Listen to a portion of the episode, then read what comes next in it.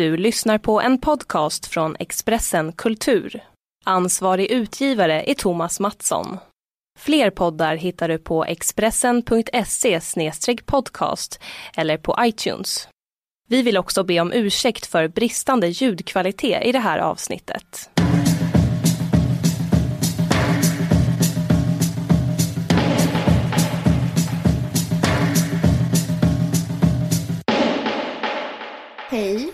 Hej.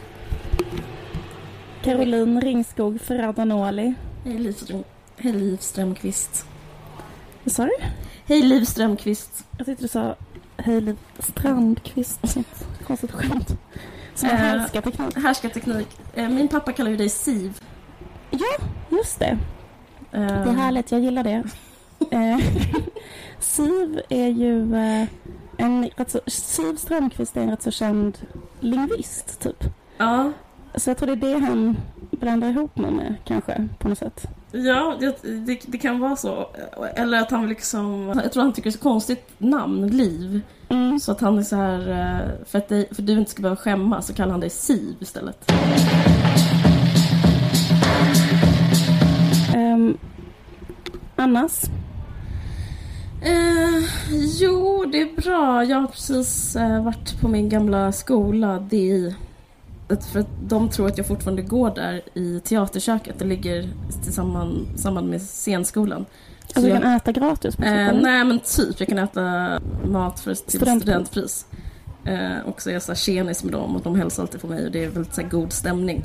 Så att eh, man kan kalla det, vad ska man säga, det är inte så att jag aktivt gör något fel men jag säger inte heller att jag är en 33-årig kvinna som jobbar och inte går i skolan.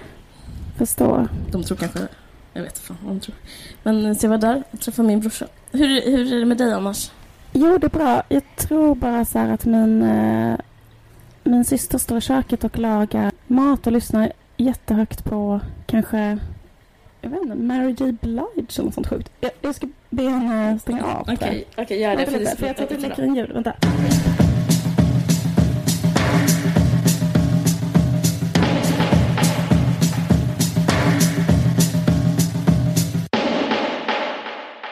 Ska vi vara öppna med det att eh, vi, eh, vi låter liksom glättiga nu men det här eh, har ju varit ett helvete att försöka få ihop den här jävla podden. ja. Alltså vi pratade i något poddavsnitt för länge sedan om att det var så här att göra den här podden är som ett Sisyfos-arbete. Ja. För att, att det är så fruktansvärt. Att det är så här, Motsatsen till att springa på en sommaräng utan att bli trött. alltså förlåt alla gruvarbetare men att göra den här podden, jag fattar inte det var så vidrigt att göra den här podden. Alltså det är bara sån, en total jävla mardröm. Det som hänt är att vi, jag var hos dig i helgen för att vi Mm. jobbade med lite andra grejer. Och då så skulle vi så spela in en, spela in ett avsnitt. Det, var, det värsta var att vi hade en sån skön ambition att vi bara skulle vara så sköna, bara så här, vi firar av ett avsnitt. Mm. Bara, ja, vad hände? Berätta allt. Ja men vi typ la oss ner i sängen så skulle vi så här eh, börja spela in så här. Vi förväntade oss det sköna samtalet det skulle börja liksom. Eh, men så blev det liksom så jävla dåligt. Eller det kändes bara så här som att det liksom absolut inte blev kul. Det kändes så jävla gaggigt. Jag hatar den grejen så här. Eh, man kan ju vara så här självmedveten ibland när man pratar. Alltså även, alltså det värsta som finns är att vara självmedveten tycker jag. Mm. Alltså när man bara har ett vanligt samtal. Men man blir så jävla självmedveten när man spelar in en podd. För det blir liksom som en yttre röst som hela tiden säger så Fy fan vad det här samtalet är ointressant. Och så bara blir den här rösten så här högre och högre. Eh, och sen så försökte vi i alla fall spela in. Mm. Och sen så när vi var klara så bara kändes det så här. ehm, vi skulle gå och ehm, träffa några andra människor och käka på en asiatisk restaurang. Mm. Och så var det så hemskt för liksom varje steg vi gick närmare restaurangen kändes bara som att jag i alla fall, inte Ja. du lika mycket, Nej. fick bara mer och mer och mer ångest. Alltså jag hade ångest också, ångest. men jag tror att det var typ som att eh, när någon har ångest, får, man får typ välja vem i, bland två personer som ska ha ångest just då.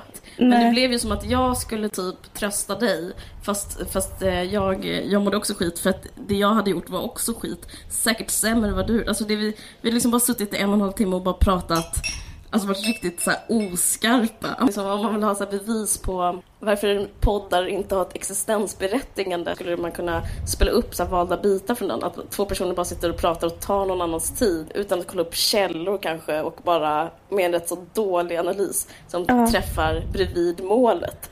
Exakt, så, så väldigt, väldigt, väldigt medelmåttiga spaningar. om Kanske en spaning som någon annan redan haft också, så som, som vi gör sämre. medioker, eh, så pro- provocerande medelmåttig i Ja. sin så här ointressanthet. Så var det.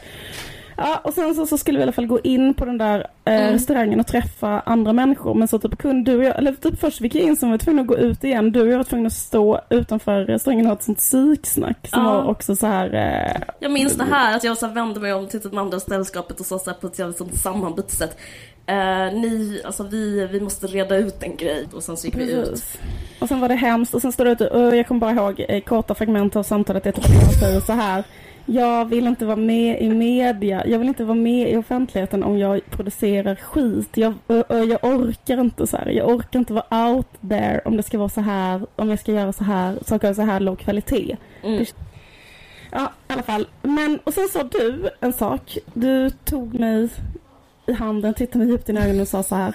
Alkohol är faktiskt väldigt ångestdämpande. Eh, vilket är sant, för vi gick in, tog en öl, sen känns allt fantastiskt. Klipp till fem timmar senare, då sitter du och jag på typ, vad fan heter Bishop det? Arms. Churchill. Bishop Arms och eh, sittdansar. Sittdansar, eh, har eh, the time of our, of our lives, lyssnar på gamla hits. Eh, Uppskatta hits för första gången. uppskattar för första gången, på riktigt uppskattar hits. Och Uppskatta Rolling Stones. Förstå poängen med Rolling Stones för första gången. Dansa jättemycket, sittandes. Sittandes. Jag bondar med såna rockabilly-tjejer som typ, jag vet inte, det är jävligt konstig crowd på som Bishops Arms. Alltså typ, ehm, det är såna som, eh, såna som gillar Irland på riktigt. Alltså inga, inga fake eh, Irland-älskare utan så riktiga Irlandsälskare. Nej. Och det är Mm. jättekonstigt för att man kan ju tro typ, ja men då är, jag menar gubbar, men nej det gör jag inte. Jag menar 27-åriga tjejer. Som verkligen älskar Irland. Alltså det är Ja, jätte, superkonstigt. Det finns en jättekonstigt. kategori som åker till Irland efter gymnasiet och bara Ja. är på Irland. Som är såhär, ja men vi, eh, ni fattar ingenting, ni är inte äkta. Jag, vet kommer att eh, bli en sån människa efter den här kvällen för jag känner att jag fick Ja, det var väldigt Irland. trevligt. Eh, Krögaren var slut på- full. Men det är inte slut på historien. Jag önskar att det var slut slutade du. Slutet på historien. Vi, vi, kan inte lämna nej, våra vänner på, där på, Bishop, på Bishops Arms. Utan det som hände var typ att vi så här, eh, bestämde oss för att försöka spela in filen igen. Eh, Så skulle, eh, vi, Ja för det här är inte koketteri, det var skit. Det var alltså skit. Det Alltså, var helt... otroligt dåligt. Det var fruktansvärt. Och Du vet, du vet också det för att du lyssnade på det nästa dag Jag så här, på det här går inte. Du messade mig så här, det går inte, det går inte. Det är så jävla dåligt. Precis. Ja men skitsamma, så försökte vi spela in en gång till. Då eh, var det ett jävla helvete att få ihop tiden. Vi blev ovänner. Det handlade om att jag var tvungen att, eh, jag blev jätte, jag kunde, kunde inte hämta mina barn från dagis. Vi skulle spela in. Ja, det var blir så socialrealist. Om det första gången var så ångest versus kvalitet och vem är man i media så var det så andra, alltså akt två i, det här, i den här pjäsen och när vi ska spela in podden så var det det så här socialrealistiska filtret. Det var så här, du var i Malmö, typ tiden var knapp. Eh, ett barn var sjukt. De, Det eh, sista som hände är att jag gråter i telefonen. Alltså att jag bara står och gråter hysteriskt. Och det var liksom en halvtimme sedan. Nu har jag plockat upp oss lite och för Ja. nu eh, det, ska vi verkligen, verkligen försöka göra något bra.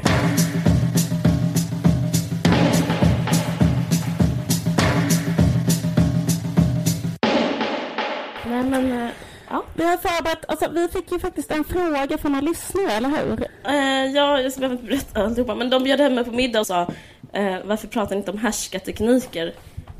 Så det, det tänker jag att vi ska göra. Det är faktiskt väldigt intressant. De vill att också att vi ska prata om spådamer utifrån en sak att Amanda Schulman har en, hennes spådam har sagt till henne att man måste spendera pengar för att få pengar. Jag vet inte om du vill säga något om det här, men det kan du ha bakhuvudet om eh, samtalsämnena tryter. Men ja, men det här tycker jag är jätteintressant därför att du sa till mig häromdagen, eh, du måste spendera pengar för att få Ja, pengar. men det var ju ett direkt citat, Amanda Det var ett Schulman. direkt citat, men du uppgav inte spå, Amanda Schulmans spådom som källa. För i så fall kanske jag tagit med lite mindre. Jag har haft lite mer pengar då. Då kanske Bishops Arm inte så... Ja. På Bishops Arms sa du till mig. Okej. Nej, Um, nej, men jag, jag vet inte. Jag, vi, jag, vi pratar om eh, eh, jag- härskartekniker kanske istället, eller? Ja, precis. Men jag tycker för att det är intressant. eh, Och, eh, och jag tror fan att det stämmer. Det är sjuka, sjuka nog. Det är sjukhet. Men... Eh, Jag tror också det men- stämmer. Jag tror på alla sådana citat som är så här, man måste spänna bågen och man måste så här eh, kasta upp bollen eller jag vet inte om det är, om det är typ ett saying men du fattar vad jag menar. Att man ska så här, satsa mycket. Men en, sak som, det, jag fattar. Men en sak som jag tycker att jag har märkt när det gäller pengar och spendera och sådär, det är liksom att ju mer pengar man får, ju mindre börjar man betala för. Jo, det är jättemycket sån stämning. Skit i det. Mm. Nu ska vi prata lite om härskartekniker. Ja, just det. Alltså, grejen är att jag har inte så stor koll för att jag känner till att Berit Å skrev Härskarteknikerna. Jag vet inte när, jo, det var, var det 80-talet? Ja, jag, jag kommer faktiskt inte ihåg. Nej, jag vet Eh, inte. Men Men eh, hon, hon, hon kom ju på dem i alla fall. Så, här. eh, precis. är liksom den som uppfann dem. tror jag man ska säga. För att liksom sänka en annan människa i, eh, i ett samtal eller i Mm. liksom en i ett Socialt. socialt sammanhang kan man säga. Ja. Så, alltså olika sätt att bete sig socialt för att en annan människa ska må sämre kanske man kan Ja. förklara dem som.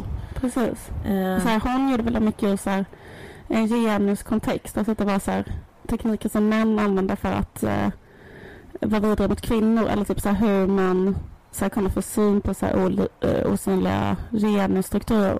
Liksom. precis.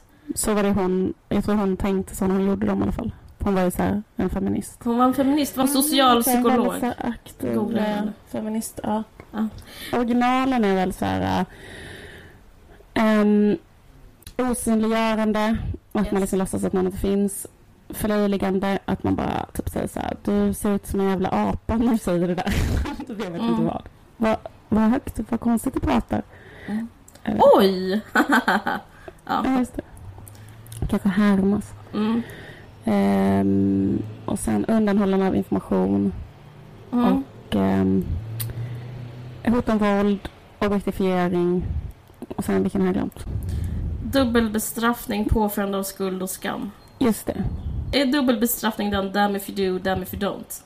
Ja, precis. Det kanske är så här, eh, det är alltid trevligt med en tjej som är söt och sen är det så här, du blir våldtagen för att du har en kort kjol. Eller? Verkligen. Påförande av skuld och skam, att det är typ att man får någon att skämmas, alltså typ så här exponera någon inför en grupp på något sätt. På, bla, bla, Mm, just det. Ja, det tycker jag eh, känns, den känns nästan mest typisk. Man eh, exponerar någon på en liksom det verkar på att man, man säger inget elakt men man får någon att känna, på ett, känna sig sämre på ett Mm. visst sätt. Liksom bara genom att säga så här Oj, har du tryck på din t-shirt? Aj, jag visste inte att det... Aj, jag trodde inte det var så här modernt längre men det är kul att det har blivit modernt igen. Typ så. Det. Var en, på en middag. Det här är faktiskt ett rejält exempel. En kille som sa det till en annan kille. Det har ihop med det vi ska prata om innan. För jag tycker det låter, alltså när den killen, the game raggade på Den andra killen. den andra killen. Men det tror jag han gjorde. Eller, så, eller liksom inte raggade så mycket som själv komma upp sig i en slags eh, hierar- hierarkisk skala. Alltså den, den inbördes ordningen som fanns runt den här, på det här middagsbordet. Runt det här middagsbordet så var det den här killen han sa det till hade liksom en slags naturlig pondus och att eh, det var ingen slump att han sa det just till honom för han ville så här, ta hans pondus och trycka ner den och sen så använda honom som en trampolin. Eh, Ja. det, är väl, det, det, tycker jag är faktiskt oartigt att hålla på så på en middag. Om jag har ordnat en middag att någon håller på med härskartekniker. Jag tycker det är det är något för Mag- Magdalena Ribbing, alltså det finns en sån social etikett Ja, som... Då ska man, det man ska göra är att man ska säga vad som pågår. Då ska, du, då, ska ju den som är utsatt för det säga så här. Eh, du har använt dig av härskartekniken påförande av skuld och skam. Jag skulle uppskatta om du slutade med det. Mm. Du kan vänta till avecken i alla fall. Precis. Nej men vad är din... Vad är din alltså, Eh, gör inte härskartekniken mer än du fortfarande har mat i munnen. då förlöjligar jag ju honom i och för sig. Ja, Så håller vi det. på så en evig sån härskarteknisk kedja. Det låter astråkig middag. Jag ganska så specifik upplevelse av härskartekniker som är så här Mm. när jag verkligen fick, en, fick mig en eh, riktigt, riktigt så här grundlig eh, lektion om härskartekniker. Mm. Eh, och eh, det var när jag precis började ettan på gymnasiet. För då, av någon jätte, alltså på vissa skolor så är elevrådet jättestort och alla så här, att de har så här val till elevrådsordförande bla bla. Men på min skola var det så att ingen ville vara med. Så det var liksom inget val till ordförande utan det var bara typ en, nej, precis, jag har bara gått på skolan i två veckor eller någonting precis börjat. Så kom det fram en kille till mig och bara så här, vill inte du vara elevrådsordförande? För typ någon hade bara föreslagit det eller, ja skitsamma, Mm. På någon bara så här fråga. Och det var så jo men det kan väl vara, vadå, vad gör man då? Så var typ ingen var med i elevrådet, det var bara jag och typ så här, kanske tre killar till. Mm. Alla de killarna var liksom, gick i trean och jag gick i ettan. Och alla var också aktiva i MUF, Moderata ungdomsförbundet. Och tro- Trodde de att det var ett sätt att klättra, typ som det är i USA, så att man är med i många föreningar så kommer man så in på college och... Ja, det tror jag absolut. Mm. De var liksom väldigt så aktiva. Och Jag var ju då 16 och var 18 eller 19. Sådär. Mm, mm, mm, mm. Eh, då skulle vi ha möten i ett pyttelitet konstigt rum.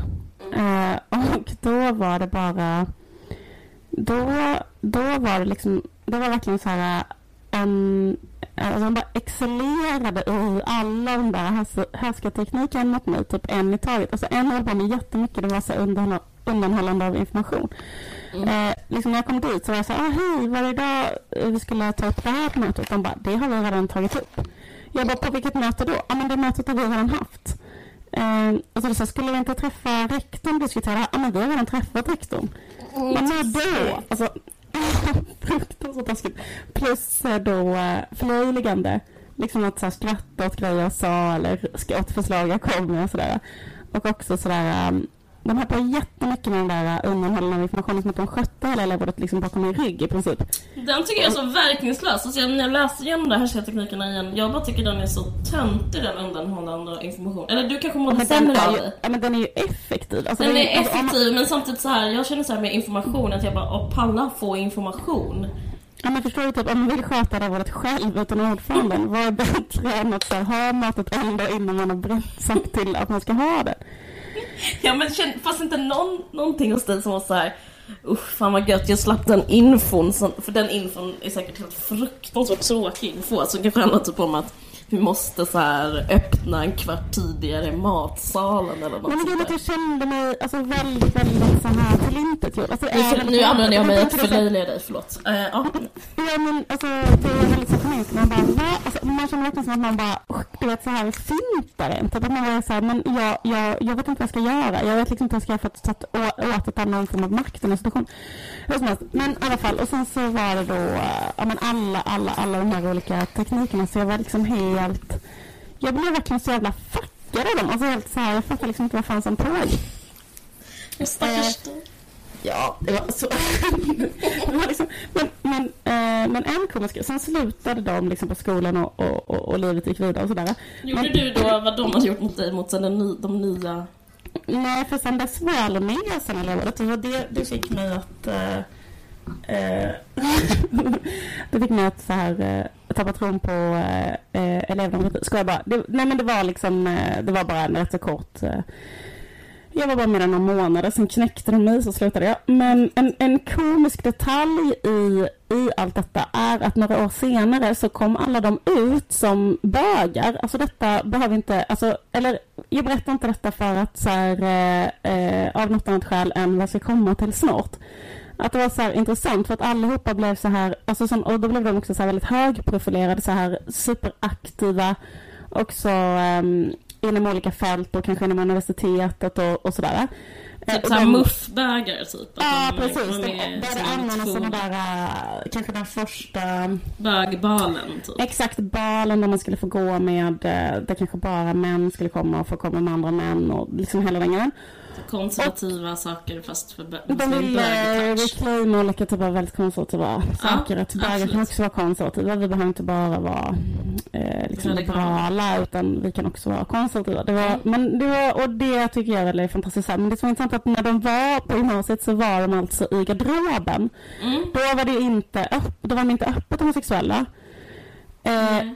men sen, eh, för grejen att en sak som jag kommer ihåg att jag tänkte på hela tiden då när de höll på att härska mig på det där, på det där Mm. sättet. De tyckte bara att jag var de, de tyckte bara att jag var helt vidrig. Alltså de hade inget intresse av mig på något Du sätt. hade ingen här- funktion liksom. Jag hade ingen funktion och jag hade ingen och jag var liksom lite så här. Fast det är väldigt mörkt att se det på det viset. Det är som typ att man bara är en sexuell varelse liksom. Ja men alltså precis för anledningen för, förstår jag senare. För annars så, kan, så upplever jag liksom att killar ändå kunde så här eh, bevärdiga en med en blick eller orka prata med en i fem minuter och så bla bla bla och liksom men det var bara att jag kände mig, när jag var just i det där lilla rummet med dem, Mm. då var jag så här, ehm, att jag var, att jag hade förlorat min, alltså jag hade ingen makt. Alltså jag var som så här Stålmannen utan eh, kryptonit. Alltså jag var så här helt så här försvar. Vet jag var så här, vad, vad är det för fel? Jag har flätor. Eh, jag har kanske en gullig kjol. Alltså vet du? Jag Jag, jag, jag, jag så här, och ändå vill jag inte ha med mig på mötet. Eh, liksom eh, ingen vill lyssna ens två minuter när jag pratar om det här eh, antirasistiska projektet. Alltså fattar du? Det var så här, eh, det, det var bara, det var bara så här ut, ut, ut, käften, bort, ut ur rummet.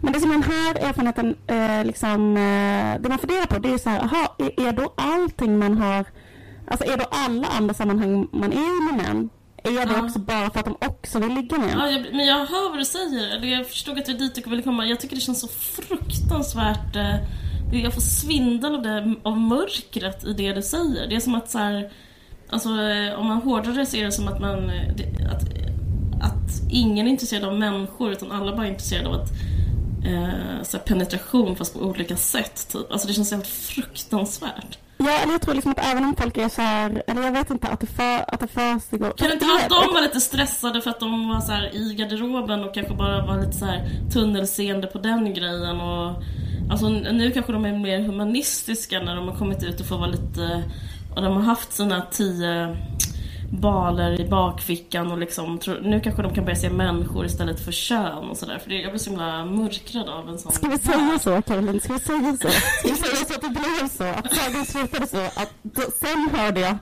sen fick jag ett mejl där det stod så här, jag du? människor istället för kön. Och jag skulle jättegärna vilja starta en sån eh, eh, blocköverskridande politisk eh, podd med dig kanske. Jag tyckte det var så spännande det du hade att säga. Men min grej är att jag kan också förstå det, för eller jag kan inte förstå det, förstå det men, men det är ju störigt när man är så här, man kanske är, man kanske har ett väldigt härligt så här killgäng och Ja. man är jättesammansvetsad, man vet Ja. allt om elever. Helt plötsligt kommer in i en nolla, en, en, en tjej, eh, jättehopplös. Eh, Ja, precis, men du har ingen funktion där och då. Jag menar inte vara naiv, men jag menar så här, det är också så här pubertetens jävla grö, grovhet. Alltså puberteten är så jävla dum, eller så här, att man är så här idiot. Liksom. Det var bara en fråga som Ja. drevs i elevrådet. Ja, säg den frågan. Får säga lite om nivån. I skolmatsalen, Ja. så vid ett studentfirande för Ja. flera år sedan, så hade skolan hängt upp en jättestor studentmössa. Alltså gjort en jättestor studentmössa hängt upp i taket. Mm. Den hängde sen kvar år efter år Mm. uppe i taket på skolmatsalen. Ja. Och människor, det fanns en liten glipa så att människor kastade in sig potatis, sås och potatis i sin helor. Det är en underbar fråga, Driva. student, studentmössa. En fråga som drevs var så här. Studentmössan bör plockas ner. Um, vill bara säga som en liten... Ja, Det det, men det är ju det skulle- hela det min poäng. Är inte det skönt att vara undanhållen den informationen och vara så här. okej, driv den frågan, men eh, låt mig få ta credden som ordförande under Men tiden. det var den typen av frågor som liksom vi var ansvariga för och sen så liksom den typen av så här blodiga så här, så sjuka blodiga maktstrider. Eh, där folk, där det kändes okej att så här knäcka folk psykiskt. Men det, det är jättekul.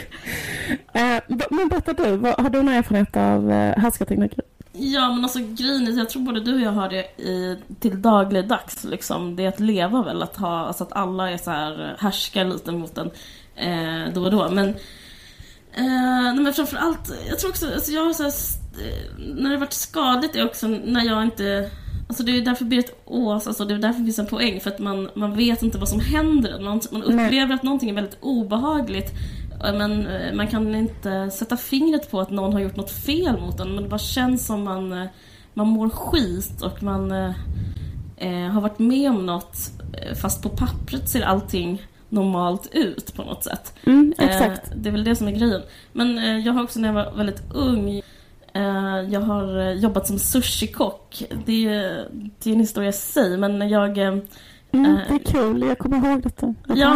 det. Jag vet för att det, för att det var så att jag, jag var 20 år, jag hade inga pengar. Alltså eh, inga, inga pengar. Jag hade ett jobb, jag jobbade som kallskänka. Jag var så det. i kallskänk-businessen. Och så dels jobbade som kallskänka och sushikock är också så här kallskänka-nivå på kock. Jag fick inte göra varm mat, jag gjorde sushi. Eh, och Men sushi är inte sushi så här. Det är sushikock är typ sju år lång utbildning och de första fem år kan man bara ris. Det är supersvårt. Jo, det är så. Det är kanske också en härskarteknik, för det var det första de sa till mig, att egentligen tar det fem år att typ lära sig koka riset rätt och sen så två år av att så här, eh, forma en god, en perfekt nigiri mm. och sen så mm, typ på nionde året så ska man typ klar, då ska man typ äta en giftig fisk utan att dö och sen kan man börja praktisera. Men jag började från en dag till en annan i ett kök i Malmö, ett sushi-kök. Det var liksom också så himla rolig tid för det var så otroligt så trendigt. Eh, alltså motsvarande till kanske vad heter det, mixologer, alltså du vet de, innan, man, mm. de kallar inte bartender längre, de heter mixologer och samma med eh, barista, det var innan så här, baristan blev barista, innan mixolog blev mixolog. Då hade man ändå så här, då, var ett, då hade sushikockar pyttelite högre status än de har idag, som nu har de mm. noll status. Mm.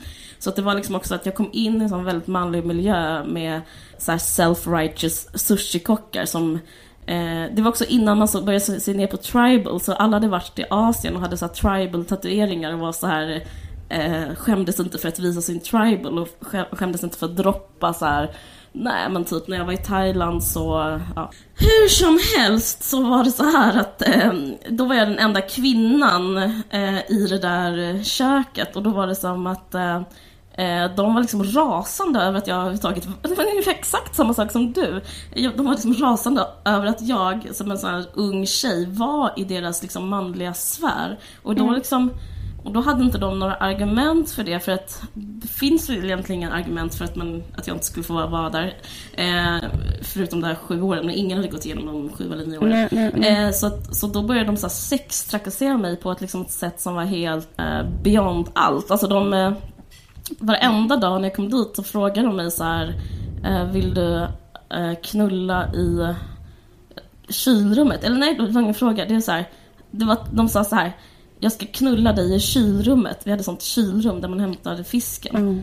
Och, så, mm. och så sa de det eh, hela jag kommer ihåg det, det var så jävla sinnessjukt. Ja. ja, jag berättade för dig där och då. Eller, Absolut. För jag brukade ja, ta med mig en massa sushi hem till ert kollektiv. Jag bodde ett kollektiv, du brukade komma dit med. Du var så jävla söt. Du var så, liksom, du var så liten och oförstörd och så kom du så här med en liten ask med sushi och bara berättade så här helt hårresande sjuka grejer som hänt på ditt jobb.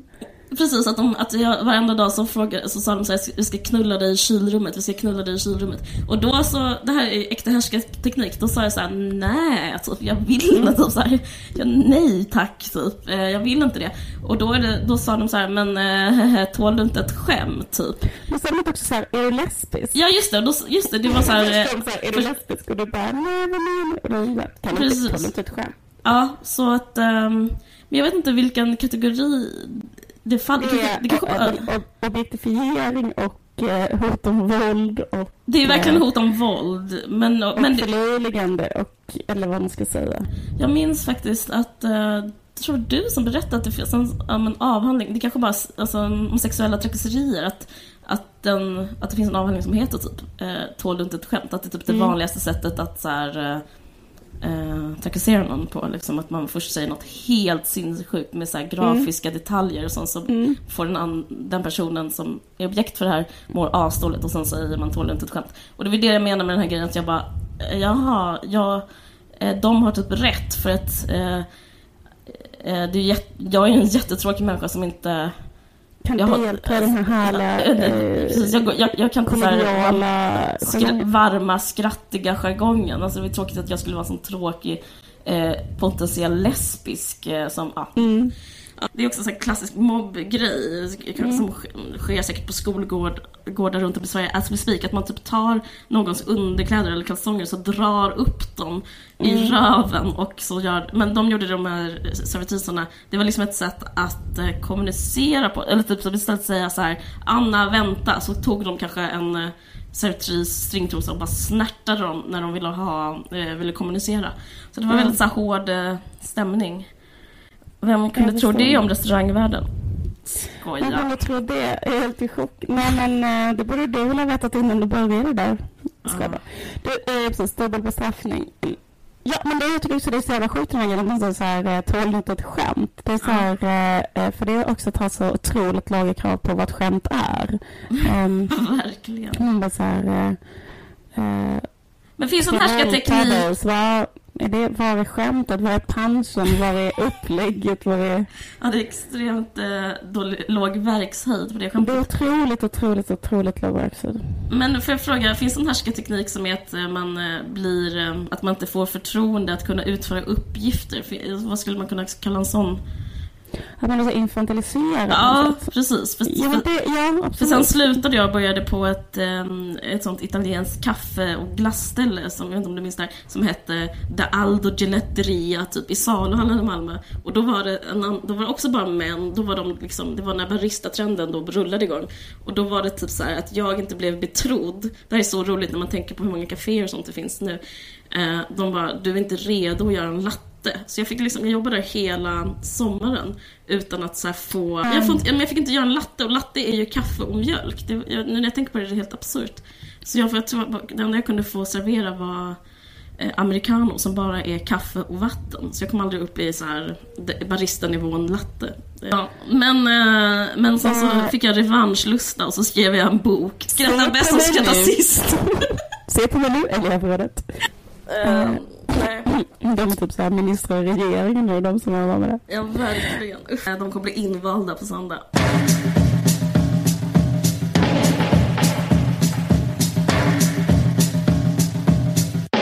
Det föranleder typ en annan sak som vi tänkte prata om. Ja, just det. Som är att... ehm, för det handlar ju om att få människor att må dåligt så att man ska själv så här framstå som attraktiv eller bättre. Eller både du mer makt, typ. får mer makt Kunna härska. Ja, precis. Och, eh, och, det, och den så här, makten kan man ju så här, använda sen på olika sätt. Till exempel kan man använda den genom att så här, bli attraktiv, skulle jag säga. Alltså att bli, bli top dog. Eh, men både du och jag har ju sett den här nya serien som alla pratar om, tycker jag. I min närhet pratar alla om den här serien som heter Kärlekskoden. Vill du berätta vad det är? Ja, man kan koppla till vad det är. Det är så här eh, en eh, mentalist eh, slash trollkarl slash illusionist som heter Henrik Fexeus. Precis. Som har ett nytt program på UR som är liksom ett datingprogram. Så det är typ som, eh, det är två singlar, en kille och en tjej som ska träffa, som ska välja ut liksom en partner mellan åtta, som, mellan åtta kandidater. Så det är som ett helt vanligt datingprogram. Bara det att de ska göra lite så eh, vetenskapliga inom eh, eh, tester och inte bara så här i alla andra datingprogram är det så här eh, att de ska göra såna, di- såna här, såna här dejter. Eh, hoppa fallskärm tillsammans. Ehm, de ska göra extremsporter. Det är jättevanligt i andra dejtingprogram. Det är så här, eh, men Ja. det, för det, som finns inget sätt att Det är konstigt att det komma nära på något sätt som man gör när man så här. spela spökboll och se om typ det händer, om det är så här, Om det liksom- händer något. Eller köra så här motocross. Alltså någon sån jättestor Wakeboard, åka wakeboard och se om det händer någonting, om det Eller tänder till. eh, vad heter sånt rally där man kör en sån skrotbil i en skogen typ. vad heter det? Folkrace. Ja.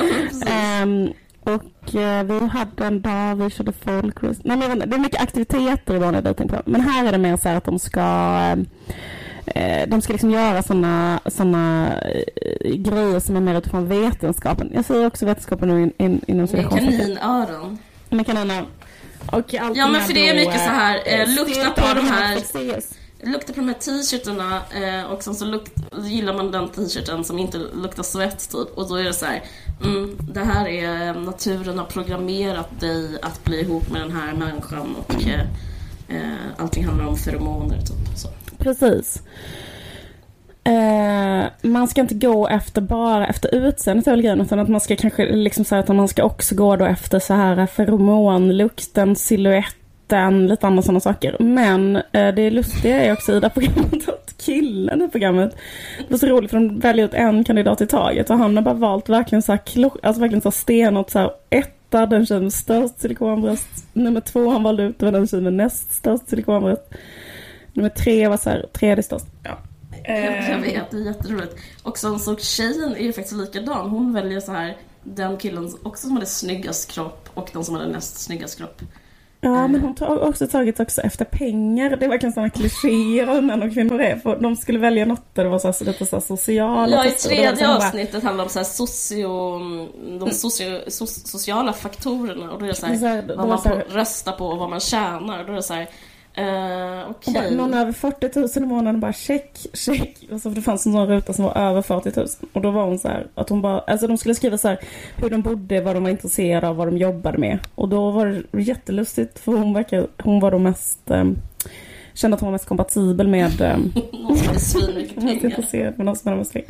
Men, eh, men så kan det vara. Det är ju ingen slump att det är just Henrik Fexeus som är programledare. För han har ju skrivit en bok som heter så här, Alla får ligga.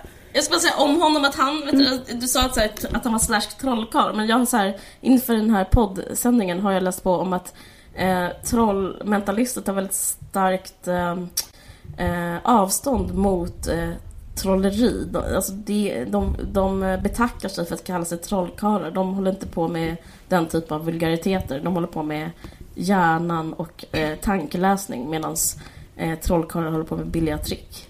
Jaha, jag trodde mest att det var att de var, de var så här, vi på, vi, vi höll bara på med vit magi. Ja, De höll på med svart magi. Vi höll inte på med. Jag tycker det är så jävla konstigt med honom för att han har gjort en sån helt skamlös kopia av The Game. Eh, The Game är ju typ eh, så här, världens mest sålda raggningshandbok om någon kan ha missat det. Eh, Mm. Neil Strauss bok. Sen har han liksom gjort en bok som heter så Alla får ligga som är typ exakt likadan som också handlar om hur man ska göra. Men alltså, alltså, alltså den är... Har du sett hur framsidan ser ut? Och det jag tycker är så konstigt för framsidan är liksom en kopia av eh, The Game. Den är så här röd och med guld. Och så är det typ likadan. Alltså det är så jävla, jävla, jävla skamlöst kopierat. Men det kanske också är en... Eh, det ska till en mentalist för att eh, Förstå. här, förstå att det går jättebra att göra så. Eller sånt där. Ja precis, men eh, det är ju inte som att den har fått skit för det. Men jag... Nej, han har väl liksom mindgameat alla till att vara så här, ah, här är en, uh, uh, vad, vad intressant det här verkar. Köpa den. Exakt, men det är också det att eh, ehm, i Sverige tar man inte sån litteratur på allvar. Så därför finns det ju ett fönster att verkligen så här skamlöst kopiera och liksom plagiera utan att någon... För det är ingen som på DN Kultur som skulle liksom göra en slags eh, vad heter det, en komparativ läsning mellan The Game och den. För den, den, den, har ju inte blivit recenserad, eller hur? Nej, precis. Men, Det är smart. Det är som sådana svenska komiker som översätter amerikanska komikers skämt. Det är också jättebra Precis. business. Hur som helst. Eh, men han... Han, den heter Alla får ligga i alla fall, det kanske du sa? Mm, precis, men äh, han menar att en skillnad mellan hans bok och The Game är att han... eh, eh, att den också är riktad till kvinnor, hans bok. Jaha, gör den det? Eh, men, då, men då är det så här, um, jag läser om detta, att det är så här, eh, det är liksom olika, alltså tipsen som är riktade till män, det är olika tips till män och kvinnorna. Mhm. Eh, och tipsen till kvinnorna, ett tips till kvinnorna är tydligen så här, visa inte för mycket hud. Mm. Ehm, och, eh, och så vidare. Och så ha- hade han typ blivit lite så konfronterad med det och då hade, svarade han så här jätteaggressivt bara så här. Det är löjligt att prata om att det inte finns biologiska skillnader mellan kvinnor och män och eh, det är så fruktansvärt uppenbart att det är så och eh, att liksom män och kvinnor då behöver ragga på helt olika sätt och eh, alla, alla vet egentligen att ingen kille vill ha en tjej som eh, visar för mycket hud, det är horigt. Bla, nej han sa inte det är horigt. Han, han sa då att eh, han älskade biologiska skillnader men han tyckte att eh, det var ingen, ingen skillnad i värde. Det var, det var den här, det var bara den här grejen. Män och kvinnor är otroligt olika men de är lika mycket värda. Jag kollade på hans hemsida och han har skrivit väldigt många böcker och det, jag upplever faktiskt ett, snarare ett direkt kvinnohat. Han vet vad han håller på med. Han håller på med så självhjälpsböcker. Men självhjälpsböcker är ju väldigt så här en, ett kvinnligt domän. Han adresserar den grejen hela tiden. I en bok står det typ så här Eh, bara för att du läser den här boken om hur du ska ta eh, makt över din chef eller eh, du ska bli socialt kompetent betyder inte att du behöver ha trikåer på dig. Hö, hö. Och sen så typ använder han sådana ordval som istället för så här, utveckla dig själv så finns det någon som heter trimma ditt liv. Eh, språkmässig macho liksom. Alltså Mm. att trimma sitt liv. Det, det, det är så här, anspelar väl jättemycket på att vara så en man som vill bara så här, Eller en hund. en hund precis.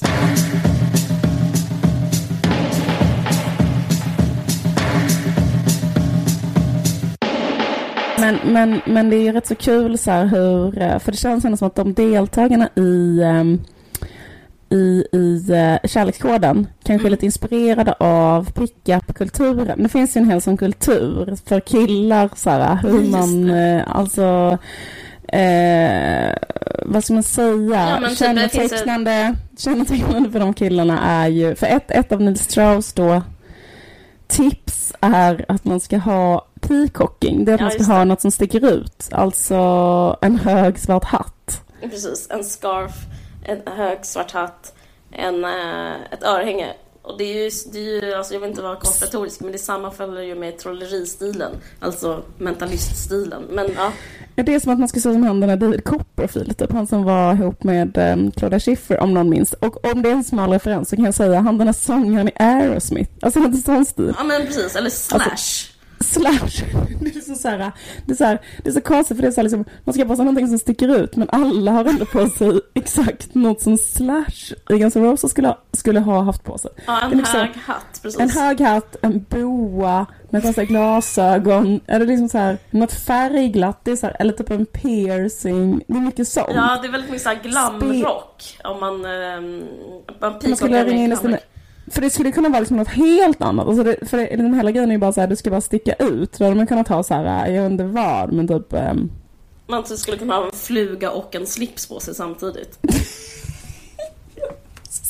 och då är tanken att, liksom att om man går in, om du då skulle gå in på The Bishop Arms med en fluga och en slips så skulle killar gå fram till dig och vara så här, varför har du en fluga och en slips? Och då skulle du vara hemma. Fast det skulle de typ göra, så jag förstår ändå, alltså eller hur? Det skulle funka.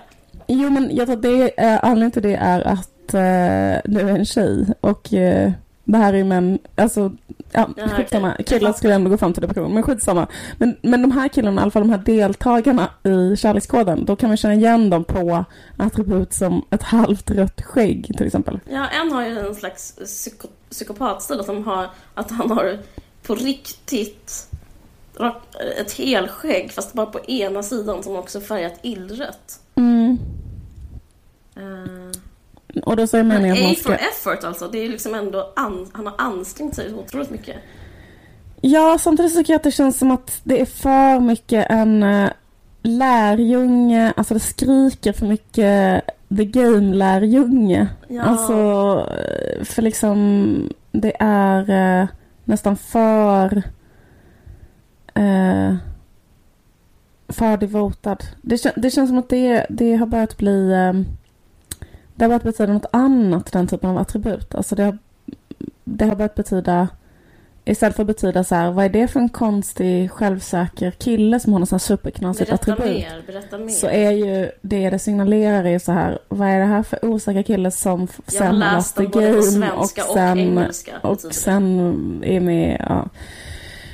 Uh, hur som helst. Men, men jag tror att eh, det är inte bara det, utan det är först ska man ha en högsvart hatt, sen ska man gå fram och säga något vidrigt till någon. Alltså typ så här, eh, Man ska ge en backhanded compliment. Man ska säga så här. Mm. Eh, nej, man ska inte säga vad ful Man ska säga så här.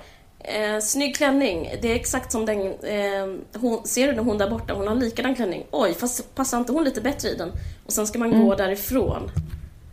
Mm. Just det, så ska man säga så här, eh, snyggt hår, är det en peruk? Exakt. Och sen Eller ska typ så man, här, sen ska "Åh, man du vända på klacken. lite, du har lite dålig andedräkt, vill ha tuggummi? Exakt. Förlåt, jag hade märkt att du hade dålig andedräkt, vi ville ha tuggummi typ. Och sen gå därifrån. Ja, just det. Och Exakt. sen göra ett korttrick. Och Eller? sen ska man, sen ska man, ska man även trolla och, eh, och sen ska man säga så Det är nummer tre i så trestegsraketen. Precis, sen ska man bara pick a card, any card och sen så heter det Sen ska man vända på klackarna och gå därifrån och sen ska den här tjejen vara så här eh, liksom alldeles upplöst av åtrå och så här springa efter den personen och säga så här, jag, jag, vad hände med mitt kort som jag skulle dra? Varför har du en hög hatt? Varför har du flugaslips? Och eh, eh, jag, jag är ful, kan, kan inte du ligga med mig? Precis.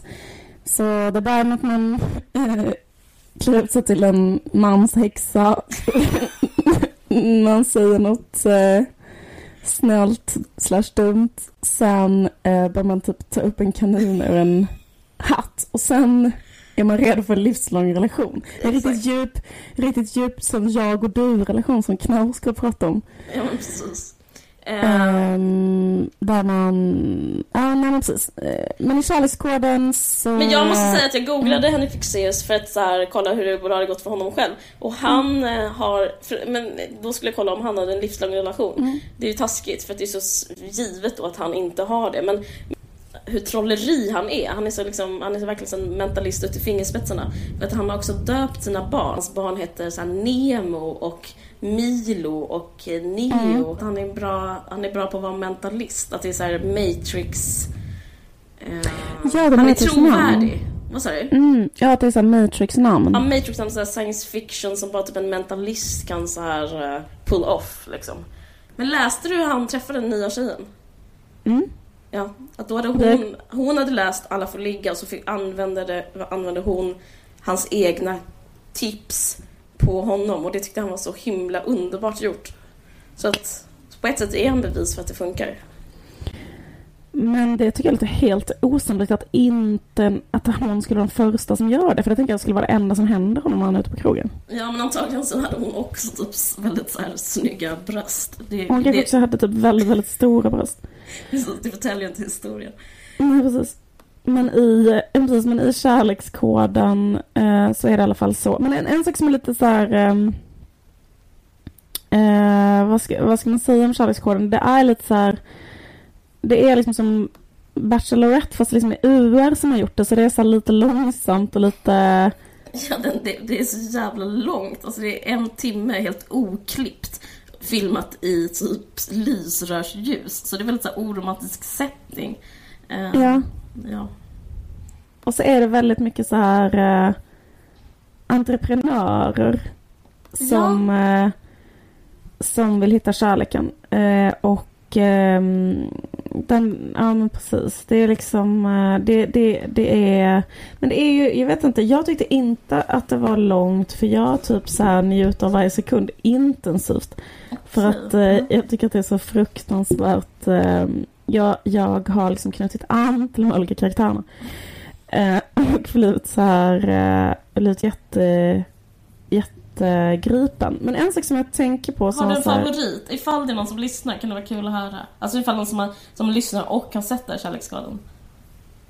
Mm, ehm, Jag har också en favorit, alltså av tjejerna till den här uh, Alltså, vilken- alltså, han- Det finns ju en alltså, civilingenjör som, ska åtta som väljer på åtta brudar och så finns jag, det jag tänkte en... att civilingenjören eh, tycker jag skulle ha valt hästmassören bara rakt av från början och sen bara åkt hem och levt hela sina liv tillsammans.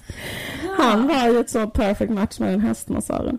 Alltså hon var ju så här, eh, kan tänka dig typ en hästmassör som gillar att gå omkring med sådana jätteklackade skor med nitar på och vara hästmassör. Det, efter det så kan ingen annan tävla om en sån civilingenjör. För det finns inget som är så hett Det är faktiskt sant. Det är sant, men det i deppiga, hans värld. det deppiga med det här programmet är att det typ så hela tiden säger någonting om så här hur, hur eh, fruktansvärt något samhälle... fantastiskt. Ja, Ja. ja, ja, precis. det är fruktansvärt. hur, Ja. hur, hur livet ser ut. Alltså det är så här, hela programmet är ett symptom på typ vår omvärld. För då är det typ så här, det finns en extremt så här gullig plus het eh, tjej som en hästmassör som också är into kinky porr liksom. Och, det, och, och liksom all, allting pekar på att man vill ha en sån tjej. Men sen så heter det, när han ska gå så här, eh, alltså när det är de här sociala färdigheterna, så ser han en tjej som är läkare. Och då typ måste han välja henne för att vårt samhälle dyrkar läkare. Jag bara tycker det är så B...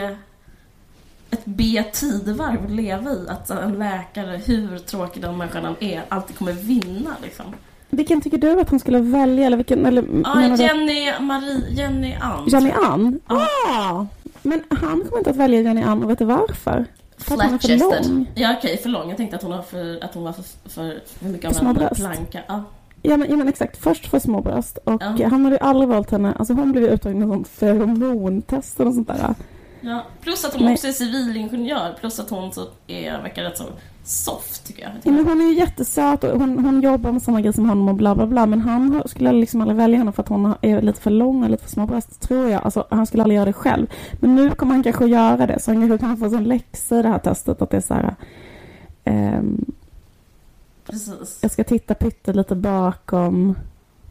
Eh, Ja men det är det som är så idiotiskt med den här kärleksskolan. för det är, det är ju exakt, alltså de skulle kunna göra det här programmet utan alla de här vetenskapliga grejerna. För de väljer bara så här, ja den personen med mest status och som ser snyggast ut. Men en sak som jag är emot tjejen eh, är, också hennes språkhantering när hon väljer partner. Har du tänkt på det? Att hon hela tiden sätter epitet på dem hon gillar och de epiteten är så jävla sinnessjuka. Alltså de är så... Alltså hon, så, så hon kallar en för sin viking. Hon kallar en för sin viking och hon kallar eh, den personen hon valde snyggast kropp kallar hon sin livvakt. Eh, han Nils, hon bara, han, han, är min livvakt. Vad, typ, vad menar du? Jo, att jag, hon bara, jag vill känna mig liten i hans eh, stora famn. Mm. Det är så otroligt konservativt. Jag, jag, det, det, det, är väl det som är problemet, att hon ser eh, på livet på det viset. Att hon ser på män och kvinnor på det viset. Ni kan säga att han den här civilingenjören har inte pratat om den här långa tjejen i termer av sin livvakt. Och att Nej. han tycker att det skulle vara härligt att ha en livvakt. Nej, precis. Eller om någon som är vikingakvinna eller? Nej, Nej, för alltså, hon är min vikingakvinna. Hon är min viking. Alltså, hon är nej. min viking. Nej, för det är också kritik mot programmet att de har inte bjudit in några vikingakvinnor. Eller nej, livvaktskvinnor. De har ju, alla är supersöta och supersmala och eh, vita och eh, eh, genomsnitt två år yngre än honom, eller tre år yngre. Ja. De har liksom gjort en, eh, en så perfekt uppvisning i normen. Det känns så tråkigt. Verkligen. Eller det blir så här, eh, det som blir konstigt är liksom när man säger att man håller på med vetenskap som då skulle vara mm. frånkopplat från det sociala när man bara, med, alltså de, hela programmet är bara sånt jättestort skyltfönster för eh, sociala, hur, hur mycket sociala strukturer styr så här, allting. Precis. Mm. Jag känner lite att vi är eh, också en del av de sociala strukturerna. Att vi är typ två personer som sitter och tjatar i en podd om... Alltså, det, vi är också förutsägbara. Jag vet inte hur man ska lösa det här. Att vi, att vi liksom... Det är klart att vi säger... Att de gör det och sen säger ja. vi det här. Och sen så är det ny dag och så säger, händer exakt samma sak. Allt, livet ja. bara är exakt likadant hela tiden. Att du och jag kritiserar det för att det är så normativt. Det är, liksom, det, är det som får hjulen att spinna på något sätt. Men jag vet inte. Jag vet. Det, man kan också se det positivt. Man kan se det som ett som, vad heter det, eh, kretsloppet vatten. Regnet faller ner på blommorna som växer. Det blir vattenånga. Det är som att vi är en del av en sån eh, eh, samhällets eget lilla kretslopp, medias eget lilla kretslopp. Precis, men jag vi kan fyller tycka vår känns... lilla funktion, så nästan ligger en gudomlig tanke bakom hur fint vi passar ihop som medieprodukt med kärlekskoden. jo, nu när du säger det. Uh, eller ska jag... Liksom tårögd när du tänker på det.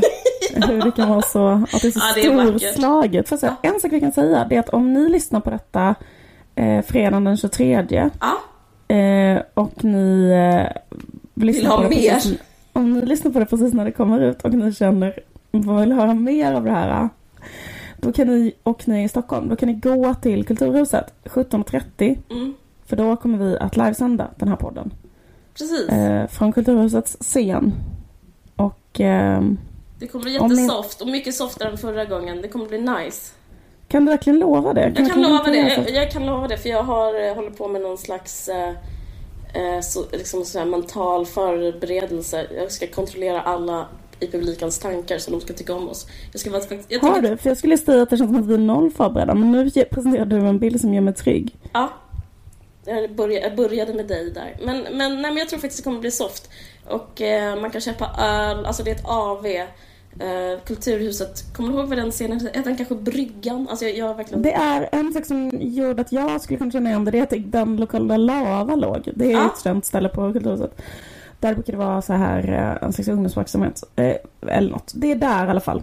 Precis. Annars kan man ju googla det. Måste man kunna. Och vi går på, jag säger det med kaninöron mm. för jag tycker det är extremt fånigt sånt eh, vad heter det, entertainer lingo. Men i alla fall, vi går på 17.30. Ses där.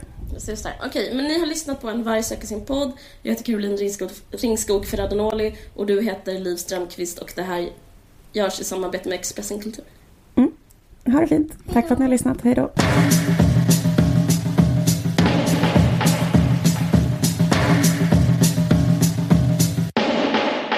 Du har lyssnat på en podcast från Expressen. Ansvarig utgivare är Thomas Mattsson. Fler poddar hittar du på expressen.se podcast och på iTunes.